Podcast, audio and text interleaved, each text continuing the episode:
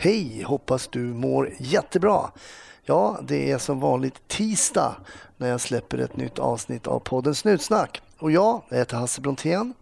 Idag heter min gäst Niklas. Han jobbar i en lite mindre stad på den västra sidan av vårt avlånga land kan man säga. Ni kommer snart få höra om en annorlunda biljakt bland annat. Ja, sen är det ju så att vi snart ska jag dra igång livepodden på Scalateatern den 1 april och självklart vill jag fylla upp de sista platserna och då ska ju du som är en hängiven lyssnare få en liten rabatterad möjlighet. Gå in på snutsnack.se 25 alltså tvåa femma då i siffror. Snutsnack.se 25 så får du 25% rabatt på de sista biljetterna som finns kvar. Det skulle vara så kul om vi säljer ut det där och blir en fullsatt salong. Ja, annars hittar du oss som vanligt på Instagram och på Facebook. Ha nu en fantastiskt trevlig lyssning och var försiktig där ute. 1310 570 kom. 1310 Odengatan kom. Ja, det är uppfattat. Vi tar det. Slut. Bra. Klart slut. Varmt välkommen till Snutsnack Niklas. Tack så du. Och tack och bock för du har ju... Vi skulle ses i Borås Stämmer. Enligt överenskommelse men då hände något att ett tåg blev inställt och då gjorde du den hjälteinsatsen att du kom och hämtade mig i Herrljunga. Det är berömda kårandan som Så jag utnyttjar. tillhör kåren lite. Ja, lite fortare, för, lite grann så. Så stort tack för det. Tack så. Och det var ju också väldigt trevligt för vi har hunnit sitta och prata lite i bilen. Absolut. Absolut. Så jag vet lite grann vad du har pysslat med. Men det vet ju inte lyssnarna nu. Nej. Eh, Du kanske kan få berätta hur länge du har jobbat som polis till exempel. Eh, jobbat som polis sedan 2005 så att jag är inne på år 15 nu. Åren går. Åren går. Så är det. Hur var tan- tankarna kring eh, alltså valet av yrke? Varför blev det polisyrket för det?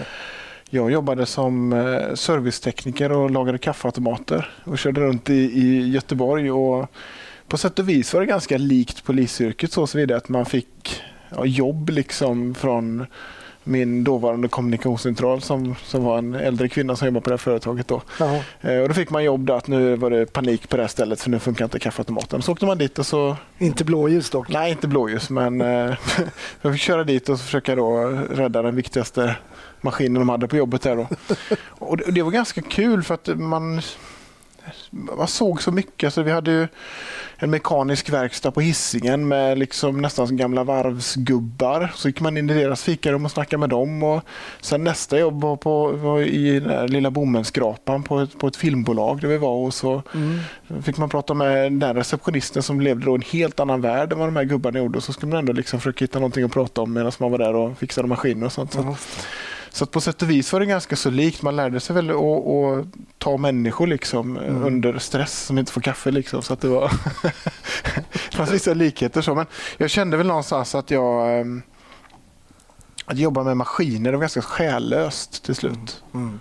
Eh, och, och kände väl, jag kände mig, eh, ja, men jag ville ha lite utmaning helt enkelt. Och då såg jag att de hade upp en annons där de sökte efter till Polishögskolan. En annonskampanj körde polisen om eh, man var invandrare eller kvinna så skulle man söka till polisen. Och då tänkte jag det är ju inte jag så jag söker. Så att, eh, Du kom in till trots alltså. jag kom inte trots. Ja. Ja. Eh, nej, och, ja, på den vägen var. Så att det var jag tror väl att alla, kanske, kanske inte alla, men många killar har nog tänkt tanken när man är lite man skulle bli polis. Liksom och, Mm. och sådär. Och sen har det väl funnits så min morbror var ju polis när jag sökte in. Sen, Okej. sen dog han tyvärr precis under antagningsprocessen så att jag, eh, han fick aldrig lämna det beskedet. Men han var ju polis och jobbade inom Säkerhetspolisen på Okej. Säpo. Eh, Så han hade ändå inte kunnat berätta för dig vad han gjorde. Nej men precis, väldigt hemligt. Ja, men tråkigt såklart. Ja, absolut. Okej då, men, men hade du någon målbild för när man söker polisen då? Vad, vad tänker man? Jag tänkte väl att ja, jag ska åka omkring i en målad bil och... Ja, men det var nog min målbild tror jag. Mm. Vi, jag vet att vi fick skriva ett brev till oss själva i termin ett vad vi trodde att vi gjorde om om det var 10 år eller om det var 15 år. Och Då skrev jag i det brevet, jag kommer ihåg att jag tror att jag kör polisbil eller radiobil. Då. Eh, Mm. eh, Så det var ju målbilden då. Eh, Sen blev det väl inte så för att jag jobbade på eh, den blå sidan i fem år. Sen blev jag headhuntad till en spaningsavdelning och så blev det mycket narkotikaarbete istället. Då, för del. Eh, Vad var det för typ av eh, narkotikaarbete då? Var det Gatulangning Gatulangning? Ja. Ja. ja. var det. det är ju min gamla Ja. skola. Det, det vurmar jag för. Ja, absolut. Det, det,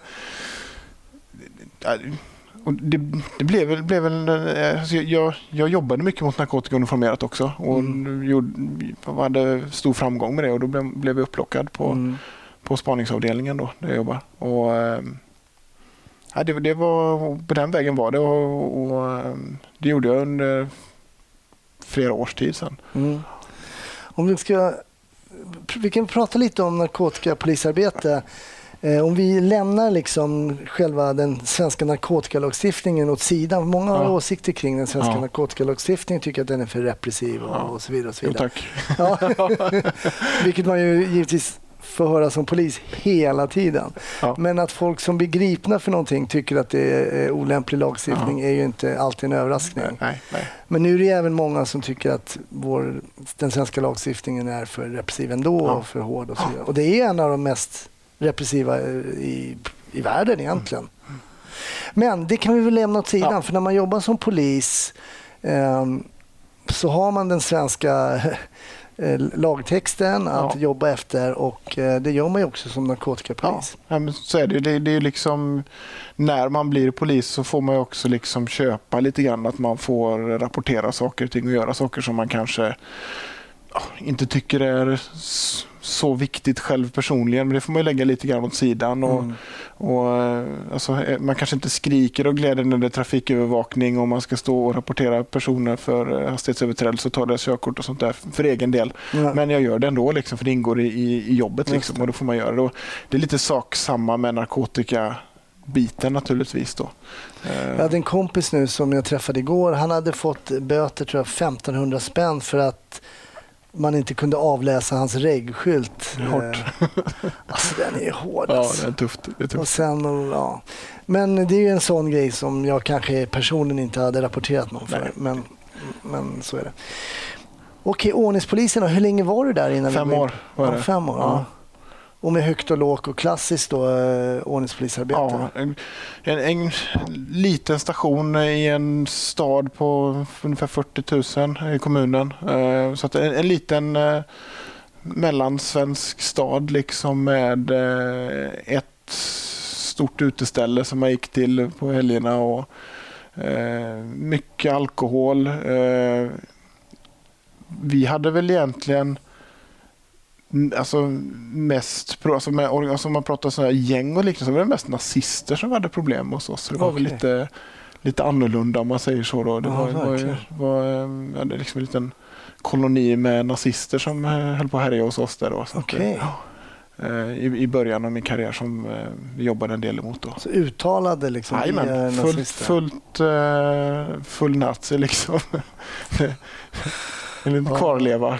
Alltså det är makalöst för Ja. mycket korkade människor. Men Ja. det, det är också en grej med polisyrket. Ja. Man träffar på folk som kanske inte bara är intelligenta. Nej, nej men så är det. Det, det är ju det är snarare så att vi eh, var- vi pratade lite om det i bilen, att man får en ganska skev bild. För man träffar ju mycket av de här eh, människorna som eh, ja, skevar iväg liksom och, Mm. och begår brott. Och, och, det är ju lätt att man får en, en sned bild av hur samhället ser ut som polisen. Man har ju verkligen ett grodperspektiv där man sitter i, Mm. i, mitt i smeten. Liksom. Mm. Man. Men man får också en unik bild av samhället som ingen annan får se på Nej. något sätt. Alltså, Och det är väldigt fascinerande. Det, och det är nästan det bästa med polisyrket. Det är, det är väldigt dramatiskt många gånger. Mm. det, och så det är på liv och död. Och, och det, det är, visst, det är mycket tristess och det är mycket pappersarbete och det är mycket administration och det är mycket byråkrati. Men när det är kul, då är det riktigt kul. Och när det är spännande, det är riktigt spännande. Alltså det, Mm. det är, mm. jag har ju svårt att se mig själv. Du har ju klivit av men, men jag har svårt att se mig själv göra det. Alltså, jag, Mm. jag, jag tror inte, jag har saknat det liksom. Jag hade nog också svårt att se mig själv kliva av under en, speci- under en specifik period. Men eh, nej, jag tycker det är skönt att jag gjorde det. Ja. För nu har jag se, får jag se en helt annan Ja, värld också. ja. Så att, eh, men okej då, du blev headhuntad sa du. Då, Ja. då. Märkte de att du var då väldigt intresserad just av Ja. det här området och var duktig där då? Precis. Jag hade gjort flera tillslag helt enkelt. Det var ju, på den tiden var det ju balance scorecard och man räknade liksom pinnar och det var, jag var offensiv ute och härjade runt och var framgångsrik. Så jag, jag blev upplockad på Först i ett, i ett projekt och sen så fick jag söka en tjänst som jag fick då på, Mm. som, som spanare. Då. Mm. Och då var det, det, det var en liten station så det var jag och så var det till en början var det jag och fyra till som tillhörde spaningsavdelningen. Men det var ju, sån här, det var ju gamla gardet som var där liksom, och de var ju inte riktigt lika mycket att rota runt. Så det var jag och en, en kille till som körde egentligen som eh, jobbade mot narkotika ganska så intensivt. Då. Mm. Ehm, Hur var det att liksom ta av sig uniformen och sätta på sig civila kläder och liksom ändå... Jag, jag är ju en uniformspolis fortfarande. Jag tycker att det är sjukt klumpigt att ha civil, eh, alltså, med civil utrustning under. Liksom. Det, det, det, det, är obekvämt och det, man ser jättetjock ut liksom, på konstiga ställen. Liksom, som man har liksom, en stomipåse på ryggen. Och, alltså, det ser inte bra ut. Eh, och det, ja, nej, det, det, eh, jag, jag, jag är definitivt en polis som gillar att ha utrustningen där man kan se den och ta på det. Liksom. Det är mycket, mycket lättare. Och det, jag väl aldrig riktigt vant mig vid det där. Man sitter och spanar och så går någon ut och så försöker man hitta sändknappen på radion och så hittar du vet, man blir svettig. Och, du vet, så, här, så att det, eh, så att, och, och den känslan, man vänjer sig naturligtvis men någonstans var det väl ändå så liksom att du, man blir av lite med sin rustning när man jobbar civilt. Mm. Det blir ju liksom inte polisen som ingriper, utan det blir ju Niklas som ingriper på ett annat Mm. sätt. På gott och ont då Mm. naturligtvis. Men, men det, blir ju mycket mer personligt. Mm. Blir det. Alltså, och det märker jag ju nu när jag gått tillbaka och jobbar uniformerat igen. Då, att nu är jag ju mer anonym igen. Alltså, det blir liksom som mer teflon på något sätt. Att även, de kommer inte ihåg en på samma sätt. Eh, utan men, men eh, när man jobbade civilt då blev man ju ökänd i, i stan. Liksom. De, jag, jag kan ju känna igen någon som går på narkotika liksom på flera hundra meter. Men problemet är att de känner igen mig också på flera hundra meter nu för att man liksom har ingripit mot dem så många gånger. Så att det, Just det. ja. Men eh, ja, Ja, men så var det. Det kommer jag ihåg. Vi blev ju liksom, när jag jobbade på till exempel den här rave-kommissionen, vi träffade ju samma människor, även fast det var i Stockholm så träffade Ja. vi samma. De hade de här ställena som vardagsrum där vi var. Och eh, nej, men det var ju Hasse och Lasse och Anders och Ja. eh, Katja liksom Ja. och sådär. Så att det blir lite mer eh, personligt på ett sätt. absolut. Att man eh, ses och liksom benämner varandra vid, vid förnamn och sådär. Ja, nej, men, och man frågar lite vad som har hänt och, och sådär. Och, och en del av de här människorna tycker man ju om på riktigt för de är så sköna. Alltså, Mm. Visst, de håller på med kriminalitet men de är rätt sköna som människor. Liksom, Mm, och men ganska extrema många gånger men och, ganska underhållande liksom ändå. Och, och, eh, ja, det, Det där är ju väldigt intressant. Eh, för det har jag upplevt så många gånger att man kan ju stå och garva med Ja. och ha ganska kul med någon som till och med kanske är gripen. Eller, och att det finns faktiskt det finns ju en fördom tror jag eller en, kring det här att poliser liksom hatar alla som man... Nej. Och det, det är ju inkorrekt. Ja, ja det är tvärtom. Alltså, det, det, alltså, om, om man pratar med personer som är svårast att göra med så är det ju de som har väldigt lite kontakt med polisen. Alltså ungdomar som inte haft med polisen att göra så mycket, som är i början av sin karriär och så kavajfyllot på julfesten eller Svensson som blir rapporterad fastighetsöverträdelse. Där får man, det är där man har de så riktiga, så, när folk gapar och skäller på en, är riktigt arga. Och sen, har vi liksom, sen finns det ju naturligtvis de här eh, orten-killarna som, som verkligen hatar polisen och de här gängen och sånt där också. Men däremellan finns det ju ganska så många och som här gråtjuvar och liksom som här gamla skolans kriminella som kör sin grej liksom. Och, och de är ju tydliga med det att eh, jag är min grej och du är din grej och sen så eh, får vi se vem som är bäst på det liksom.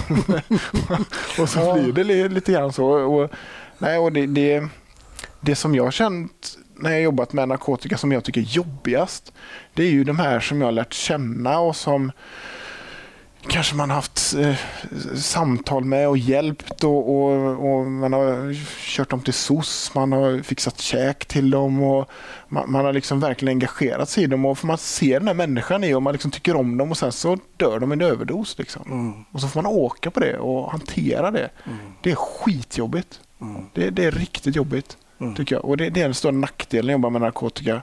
För det blir inte riktigt lika personligt när vi jobbar med uniform. Det är lättare att hålla ifrån sig. Mm. Men när man har en, en, en, person som man känner och så åker den personen ner till, till Göteborg för att reglera en skuld eh, och betalar 500 spänn för lite.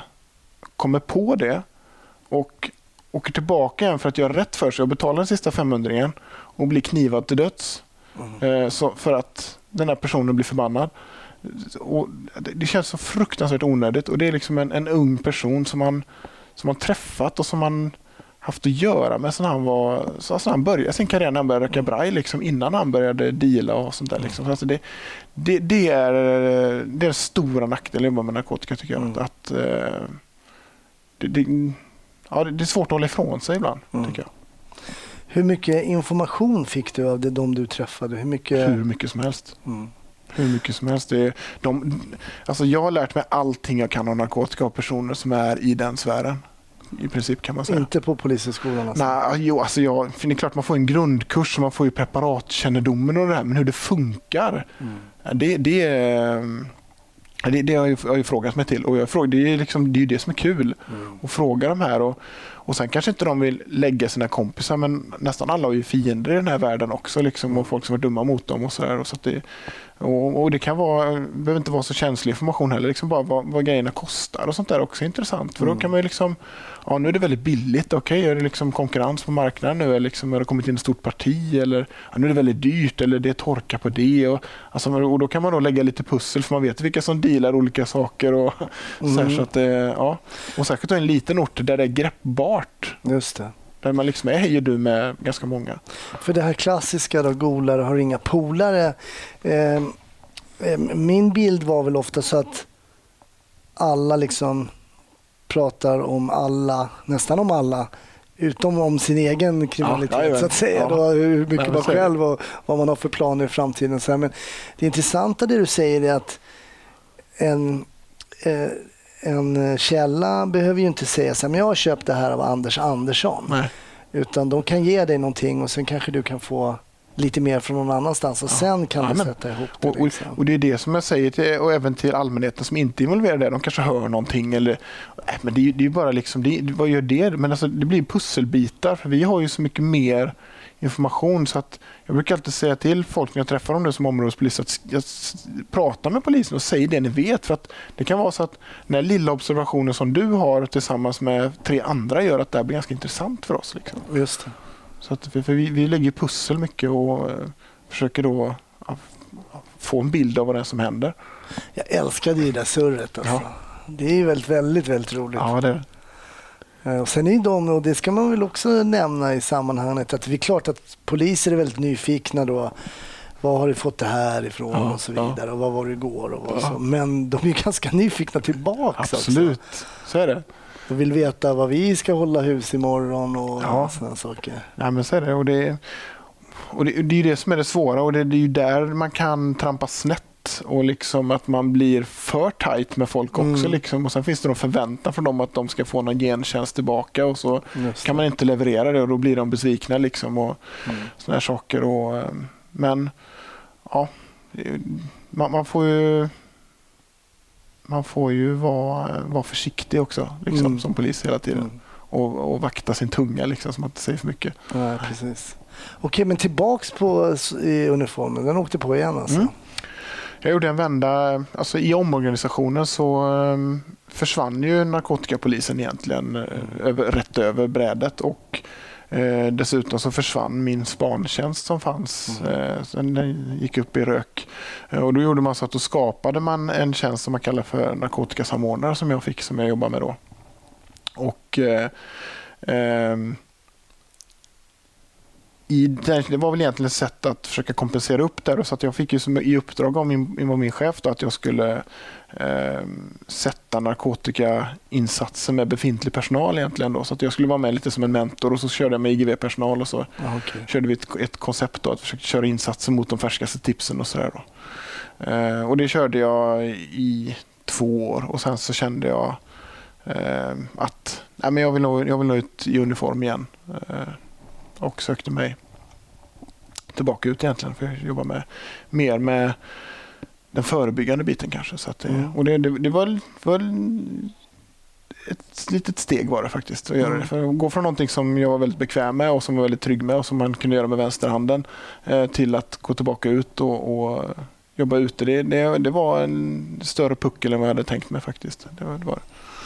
Det kan jag förstå. Jag kommer ihåg själv när jag hade långt hår, jobbade på Gatunäsgruppen och så skulle man, blev man inkommenderad och var tvungen att trycka på så här båtmössa på den där eh, långa parsen jag hade. För att sätta upp det. Bara det var obehagligt eh, och konstigt. Jag brukar alltid be min gäst eh, eh, ta med en historia sådär Mm. från eh, det polisiära livet. Ja. Eh, och, eh, ja, vi pratade lite om det i bilen men du har ju inte alls berättat vad det ska berättas. Nej. Jag är lite nyfiken. Du är lite nyfiken där. Ja, jag har ju lite att välja på sådär och, och det, det är alltid...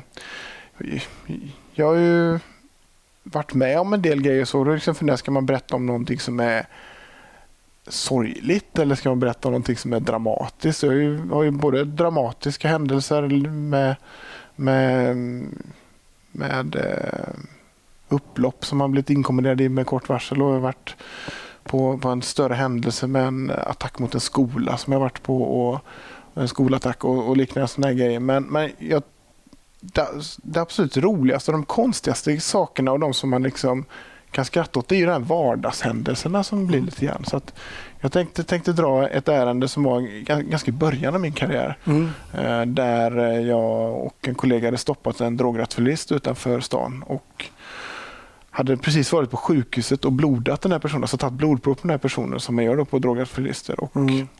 Vi står i korsningen från Hur, lasarettet. visste, hur, hur, var det ni som hade stoppat det Vi hade stoppat den. Hur misstänkte ni att han var... Oh, det minns jag inte, men Nej. det var väl ett stopp och sen så gjorde vi väl en kontroll, en ögonundersökning och så var personen påverkad. Och vi åkte och blodade, det var väldigt rutinmässigt och hade antagligen i i glömska hela caset om det inte var för det som hände sen när vi åkte från sjukhuset, när vi stannade då vid ett av de här få trafikhusen som finns i den här mellanstora stan. Då, så står vi där och väntar och då kommer en eh, Volvo V70 i full karriär genom korsningen och sladdar genom korsningen. Och har man varit på biljakter så ser det lite speciellt ut för det dammar alltid väldigt mycket kring sådana här bilar som kommer. De kommer så fort för de kör oftast nära kanterna och sånt där så att det kommer liksom ett dammoln med en, en Volvo V70 och kör på, på, på bredställ genom korsningen med en, en tidningsbudsbil efter sig. Okej, Som- inte helt vanligt. Inte helt vanligt. Det är så lite udda. Så då börjar de liksom där polisiära hjärnan koppla att det här är någonting som avviker från den normala bilden och som man kanske bör reagera på som polis. Då. Eh, och då ser vi då att den här tidningsbudsbilen tvärnitar och ut hoppar ett tidningsbud och pekar efter den här bilen. Då. Så då är det bara att hänga på den fullt ösa ut i korsningen och så hänger man på den här bilen. Vad gjorde ni med eran... Var han... Han fick sitta kvar i baksätet med bredvid kollegan. Så kollegan sitter vänster bak och så sitter busen höger bak. Eh, och, så det, det är på med blåljus och så efter den här bilen. Eh, ut på E20 då, som är den här stora vägen heter. Och, sen så är det, och den drar i järnet den här bilen. Man ser ju liksom hur bilen sätter sig och så är det plattan i golvet och så hänger man på där. Eh, och precis när KC ropar upp och då hör vi då att det är det var det gamla 70-systemet och då hör man då att det blir sånt där allanrop och då är det en massa tonspel som kommer. Och ju fler tonspel det var desto mer spännande var det generellt sett då för att då kopplar man upp mer och mer områden. Då, där körde hela alla toner som fanns liksom. Så det är någonting stort på gång. Eh, man, hade, man kan ana att det hade med den här bilen framför oss att göra då för så mycket larm är det liksom inte mitt i natten i vårt lilla område. Då. Och precis när tonspelet går ut så kommer en kofot ut ur bilen och studsar i asfalten och slår i radiobilen, sprutar gnistor och flyger över radiobilen. Och precis när, när, det, när det händer så säger, säger då eh, KC i Göteborg att vi har haft en smash and grab på Lilla torget då, i den här orten där jag jobbar. Och så går de ut med ett registreringsnummer och det är ju precis bilen som vi har framför oss då. Och sen går det då i fullt karriär ner mot Göteborg. Eh, vi ligger närmare 200 km i timmen och blåljus och sirener och kollegan har ju då fått ta bak radion till baksätet och sitter och rapporterar medan det sitter en kritvit drograttfyllist och försöker hålla fast sig i dörrhandtaget medan det går där då. Och den här bilen försöker köra av i varenda mot så jag får liksom trycka bilen med min bil i 180 för att de inte ska gå av då och försöka hålla dem på vägen. För att vi har ju eh, på den här tiden så var det 70-systemet och då hade vi olika kodnamn för olika platser där man la spikmattor. För att många av de här busarna ah, okay. skannade ju polisradion. Och då hörde vi att de hade gått ut för att de skulle, de skulle lägga en spikmatta strax innan Göteborg. Då. Mm, okay. Och då hade de gått ut med koder. Då gällde det att vi skulle hålla den här bilen på E20 hela vägen ner och sånt där den går av. Och, så att då fick, och de försökte gå av. Då fick man, fick man gå upp i avkörningsfältet och lägga sig bredvid då och försöka trycka så att de inte gick av då och sen ja, upp bakom igen. Så det, det, var ju ganska dramatiskt och det krängde ju mycket. Och, och, och den här drog, stackars drograttfyllisten satt där bak. Han var, Vad sa han då? Han sa ingenting. han var helt, helt, eh, helt tyst. Och så paralyserad? Helt paralyserad. Och så ner och de drar över spikmattan och det blir stopp. Och vi eh, stannar bilen och eh, det, det är massor, både hundförare och allt möjligt. Och eh, vi får fatt på en i bilen och den andra springer in i ett villaområde och fångas väl in lite senare. Men i alla fall, då går vi med den här killen och det är en, en eh, tungt kriminell från Göteborg som vi går med. Och så... Kände ni igen den här killen? Eller? Nej, det gjorde vi inte. Men vi fick reda på det sen att han var, han var en sån klassisk smash and grab-gubbe. Liksom. Det var det han livnärde sig på. Då. Just det. Och han eh, var ju liksom väldigt sur för att han åkt fast naturligtvis. Och I och med att brottet hade begåtts i vår stad så fick vi ju hand om busen. Och det är som vanligt för alla biljakter att när allting är klart och roliga färder så är det liksom bara... Det är liksom så, här, så drar alla så får ni skriva. Ja, så ser man som kring så finns det inte polis inom synhåll. Liksom. Alltså, så, så, så, vi står ju med han där då, och så sätter vi in han och då säger vi Men öj, mannen det sitter redan en här. Ja, men du får hoppa in här bara. Och så fick de ju presentera sig för varandra då. Och, så, och då sa han så, ni är fan inte kloka. så, så att, eh, ja. Eh, så att de fick sitta och socialisera i baksätet upp till eh, Alingsås där och till gripet där. Men han var rätt nöjd ändå sen efteråt. Vi fick ha ett litet samtal om naturligtvis där och, och förklara läget. Men ja, jag tycker det är en rätt så kul historia. Ja, ja. verkligen. Ja. Men, det, men jag tänker på att det gick så, så pass snabbt. För klassiskt är väl när man sätter igång en biljakt, då, eller mm. det gör man ju sällan själv, men att man blir delaktig igen. Mm. Att man bryter, ofta, alltså från eh, kommunikationscentralen ja, så ja. bryter man ganska ofta för ja. att det är fara för tredje part. Liksom. Jo, men så här, och, det har att göra med att man vet ofta inte vad det är utan ofta får man bara häng på en bil som drar och då har man kanske ej stannat på polismans tecken, alltså ett bötesbrott. Mm. Men här hade vi ju liksom eh, en smash and grab, alltså en, en grov stöld mot en parfymeributik. Liksom. Och då blir det lite annat läge också. Och vet man eller att det är ett rån eller någonting, de har helt andra möjligheter att hänga kvar längre också. Mm. Plus jag kan tänka att det var lite lägre trafikintensitet. Ja, det var ju, väldigt, det var ju, var ju mitt i natten här. Det var ju mm. kanske vid tre på natten liksom, så det var ju öde. Men det här är ett sånt där klassiskt case som man känner man skulle vilja ha när man ja. liksom, alltså sån, där är tjuven, fånga honom ja. och sen så som aldrig händer i princip. Nej, aldrig för sällan i alla fall. Ja. Ja, nej, det. Men briefade ni den här killen nu? Så, du får hänga på här för nu har vi ett jobb. Det fattade han ju Ja, jo, det, men... det, det, det fattade han ju. Men, men eh, eh sen fick, ju, vi fick ju, han fick ju sitta kvar medan vi satte in den andra killen. Men det var ju så mycket poliser där nere så det var liksom ingen chans för honom att hoppa ut och springa iväg någonstans heller. Nej. Så att, ja. Du nämnde innan det här ärendet kul ärende. Jag får, upp, jag får alltid upp så här, eh, bilder av grejer som man själv har eh, varit med om. Men jag ska inte gå in på dem. Men um, du sa uh, att man har varit med om sorgliga saker. Så ja. Att det kommer upp... Uh, så när, när du tänker på, när jag har liksom, vi sa i bilen, så här, men ta något case. Ja, och så, ja, det finns sorg. Hur, för det är ju rätt mycket faktiskt sorg. Du har redan ja, nämnt att ja en ung kille åker ner, ja, blir ihjälhuggen och sådana saker.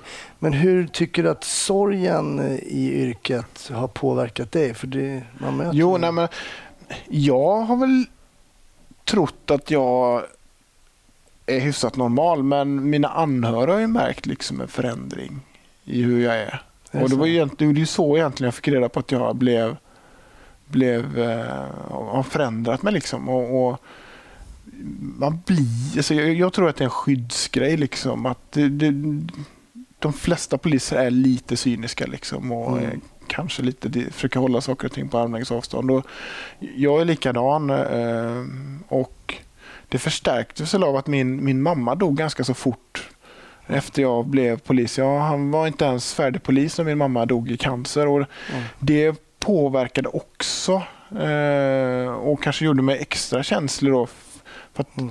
jag tror att man är som känsligast i början av sin karriär. För, så sen blir, får man det här skalet och man får liksom andra referensramar och sånt eh, ju längre det går. Och det krävs mer för att komma innanför den här rustningen som man bygger upp. Då. Ehm, Att vara förälder då? Ja, och det, och det är också en sån grej som gör en väldigt känslig helt plötsligt. Eh, för de har byggt upp den här rustningen och man liksom känner sig helt osårbar till slut. Liksom, och sen får man knattar hemma. Mm. Och då helt plötsligt så rasar den här rustningen av och du får ett helt annat värde som person också. Att Mm. Jag måste ju komma hem nu. Just det. Nu är det inte bara att ligga 200 på, på vägen och går man av så är det slut. Liksom. Nu tänker man, uh, vad, vad är det, det är inte värt det liksom, på samma Nej. sätt. och mycket där. Och, och man får, får ju liksom Ja, man måste komma hem på ett helt annat sätt än när man är singel eller sambo. Liksom. Det, det, det, det, det tycker jag. Och Mm. Jag blir också mer empatisk också och känsligare överlag tycker jag. Liksom. Och just de här Innan de har varit på case med barn och sånt, det är klart att det inte varit roligt men nu är det nästan som man eh, bävar när man hör att det är något case och liksom, ja, ni får åka med socialtjänsten och omhänderta lite barn på den här adressen. Det blir så här handsvett liksom. Och, Mm. För, för det, det är jobbigt liksom. Det är Mm, det. ja, jättejobbigt. Ja. Jättejobbigt verkligen. Ja, nej, men vi har ju hört många historier också i podden där just barn har varit inblandade och hur man märker att folk har blivit påverkade Mm. och just att det ligger kvar i ens, i ens minnesbank Mm. liksom som någonting som säkerligen tär på en något Mm. lite grann hela tiden. Men jag tänker, du jobbar ju nu på ordningen och hur länge kan du tänka dig att jobba på ordningen då? Jag har ju hoppat runt lite grann. Jag har ju kört ett par år på varje ställe. och, och det, alltså, det som egentligen som man märker när man blir... Alltså man har ett par år under västen ute. Det, det som egentligen blir det att man börjar känna sig lite...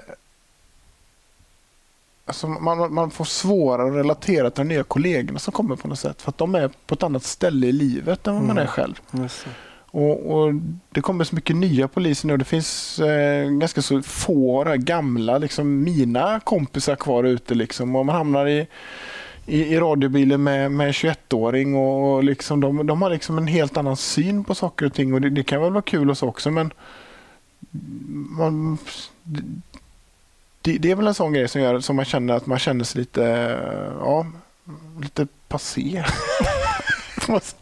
Jobbigt att känna sig passé. Lite omkörd så. Nej, Nej, men jag kommer ihåg att när man började jobba, då var det så här, då vill man ju helst bara vara på jobbet liksom Ja, dygnet runt. ja. För att allt var så. Men sen går ju det över till att verkligen bara bli, inte bara, men ett jobb. Ja, liksom. ja, men absolut. Nu är jag ledig och Ja. nu så jobbar jag. Men då vill man ju hela tiden, jag vill in och jag vill jobba extra och Ja, allt sånt ja, nej, Man brann verkligen för det. Definitivt. Men, det är väl kanske bra att det lugnar ner sig lite också. Ja, jo, ja, men jo, nej, man får ju en annan eh, man får- man får ju en annan trygghet för att i början som polis så var det väldigt viktigt vem man åkte med. Eh, alltså att man åkte med en bra kollega och hade man en dålig kollega så blev det liksom inget bra pass. Men nu, nu är jag så, dels jobbar jag väldigt mycket själv åker ensam i bilen och har liksom inte några större problem med det. Eh, och det har att göra med att vi, vi är inte mer folk än så. Att det, det och är ofta så att jag hamnar själv i, i, i, eh, polisbilen och det, det är okej. Men även om man hamnar med en ny kollega så ja, alltså man löser ju det mesta. Liksom. Det, det, är ju- man, man, jag, har ju- jag har gjort mycket och så men samtidigt kan man ju då känna då att vad skönt det är de gångerna jag jobbar med min eh, vapendragare som är på områdespolisen med mig och vi har jobbat ihop jättemycket liksom och jag kan ju slappna av på ett annat sätt då liksom och, och, och det är väl också en sån grej att det blir färre och färre pass där jag kan slappna av där inte jag förväntas ta ledartröjan liksom det. genom man blir äldre så det är också en sån grej.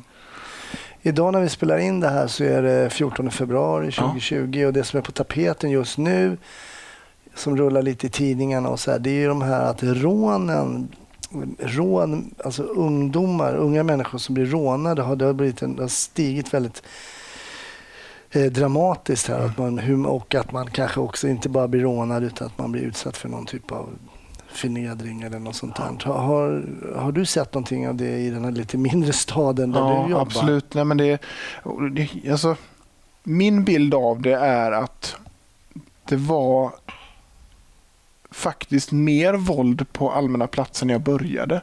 Det var för att folk söp mer och slogs mer. Mm. Men våldet såg annorlunda ut. Det var liksom, man vevade på lokala utestället. Och ganska mycket. Mm. Eh, vi hade mycket mer våldsamma motstånd. väldigt mycket mer stök och bråk. Mycket mer anmälningar och misshandel och sånt på offentliga platser. Men det som vi ser idag är ju att det är mycket mer eh, alltså utstuderat tycker jag. Eh, det är råare. Eh, man nöjer sig inte med att bara råna utan man skär med kniven ändå. Eller liksom man, eh, de ska kyssa fötterna fötter, de ska liksom krypa och, och liksom så här. Det, det, det, är en, det tycker jag inte jag såg eh, när, jag, för, när jag började för snart 15 år sedan. Det, det, tycker jag inte. Utan det, det ändrar sig. Mm. att man att, att det finns ett hat. Liksom. Mm. Jag kommer aldrig ihåg. Jag, jag, jag har ingen minnesbild av att jag kommer ihåg att jag hade något sånt ärende eller hörde om något sånt där när jag jobbade som polis. Nu är det ett tag sedan då, men, mm men det kanske är så att det faktiskt har blivit eh, råare där. Ja, jag, jag, tycker det och även eh, det som, som har blivit är att även unga tjejer har tagit efter de här. Så att vi, vi har ju haft unga tjejer då som helt oprovocerat söker upp andra och förnedrar dem samtidigt som det filmas. Då. Och oftast gör de här tjejerna med uppbackning av ett killgäng som står runt. Runt knuten? Ja, runt i en cirkel liksom. Jaha, och hindrar att de sticker. Jajamän. Och så filmas det och så förnedras de här tjejerna och duktigt och misshandlas då av de här. Men vad gör tjejer mot tjejer då? Vad kan det vara för typ av som du har Nej, men de, det är misshandel alltså. De, ja, det är ren ja, ja, de, de slår ner dem och trycker ner dem och, och, och det, det, kan vara... Jag, jag, vet inte vad bevekelsegrunden är för att göra det, men det är, det är väl ett, ett, ett, dominansbeteende helt enkelt, eller vad man nu ska säga då, som, som mm. att de, de gör för att det är kul helt enkelt. För att vinna cred i, i gänget. Ja, just det. Ja. Så, och så även tjejerna, och det, det, var liksom det, det fanns ju inte ens när jag eh, för 15 det, det, det är definitivt en ny trend som sett bland unga tjejer, att unga tjejer också har börjat ta efter, inte alls i samma utsträckning, men unga tjejer är våldsammare liksom, även mot andra tjejer. Då. Det, mm. det tycker jag definitivt också är en trend. Mm. Mm. Tråkiga trender. Ja. Eh, verkligen. Jag hoppas man kan få bukt på det. Det som sällan nämns tycker jag i i debatten är ju egentligen dels det egna ansvaret såklart, alltså det personliga ansvaret mm. hur man beter sig, men också föräldraransvar. Ja. Alltså, man undrar ibland vad morsan och farsan är. Ja, och det, alltså det är väl återkommande när man jobbar både med narkotika som vet mycket, men även som områdespolis, liksom att när man åker hem till de här föräldrarna eller får kontakt med dem liksom, så är det ju inte så här, det, ja, det är få gånger som man blir förvånad. Oj, undrar det här kunde gå så illa för en ungdom. För att många gånger är det dysfunktionella familjer på ett mm. eller annat sätt. Liksom. Mm.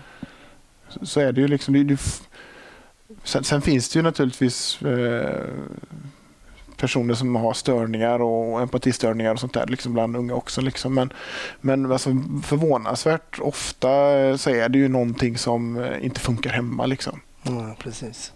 Och det och det, det, märker man ju med de här etablerade kriminella som vi har också. Som är, och de här som döms för grova brott och sådär. Det är ju väldigt få som har en sund relation med sin farsa till exempel. Liksom, mm. och de här, och det, mm. det, det är återkommande liksom när eh, man blivit sviken som barn och, och, eller råkat illa ut. Då, Just det. Tycker jag.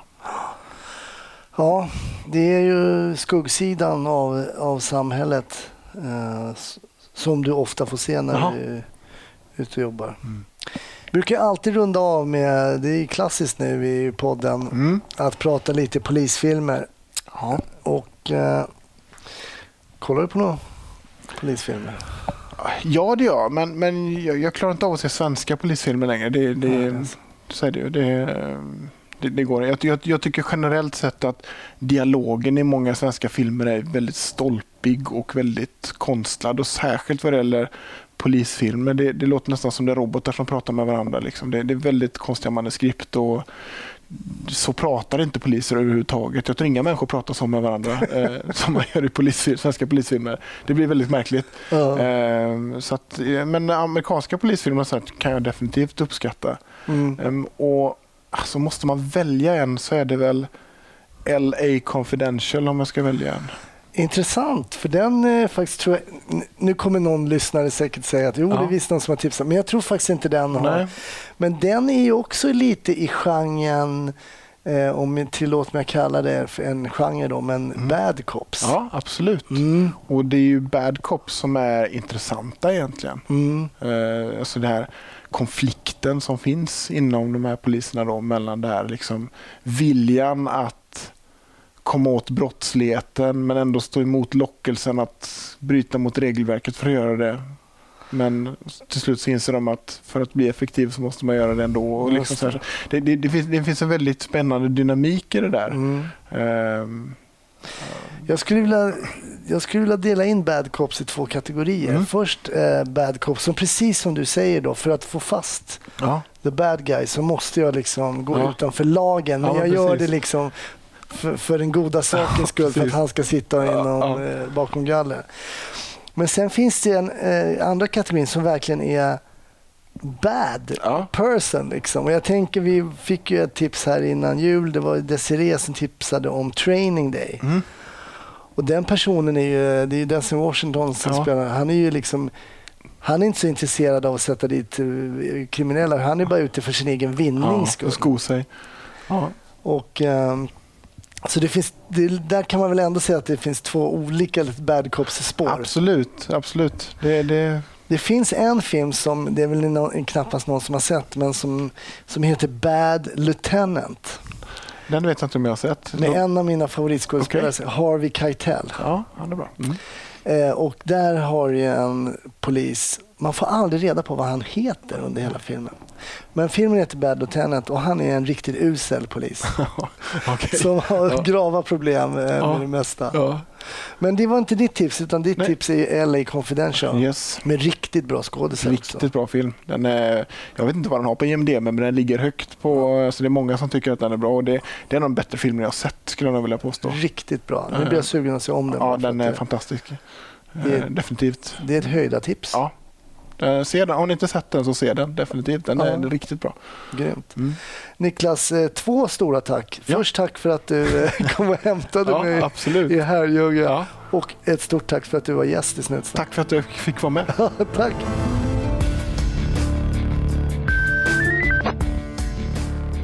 Stort tack för att ha lyssnat på Snutsnack. Glöm nu inte erbjudandet www.snutsnack.se 25 så får du 25% rabatt. Du får en länk där eh, på biljetterna, de sista som finns kvar till livepodden.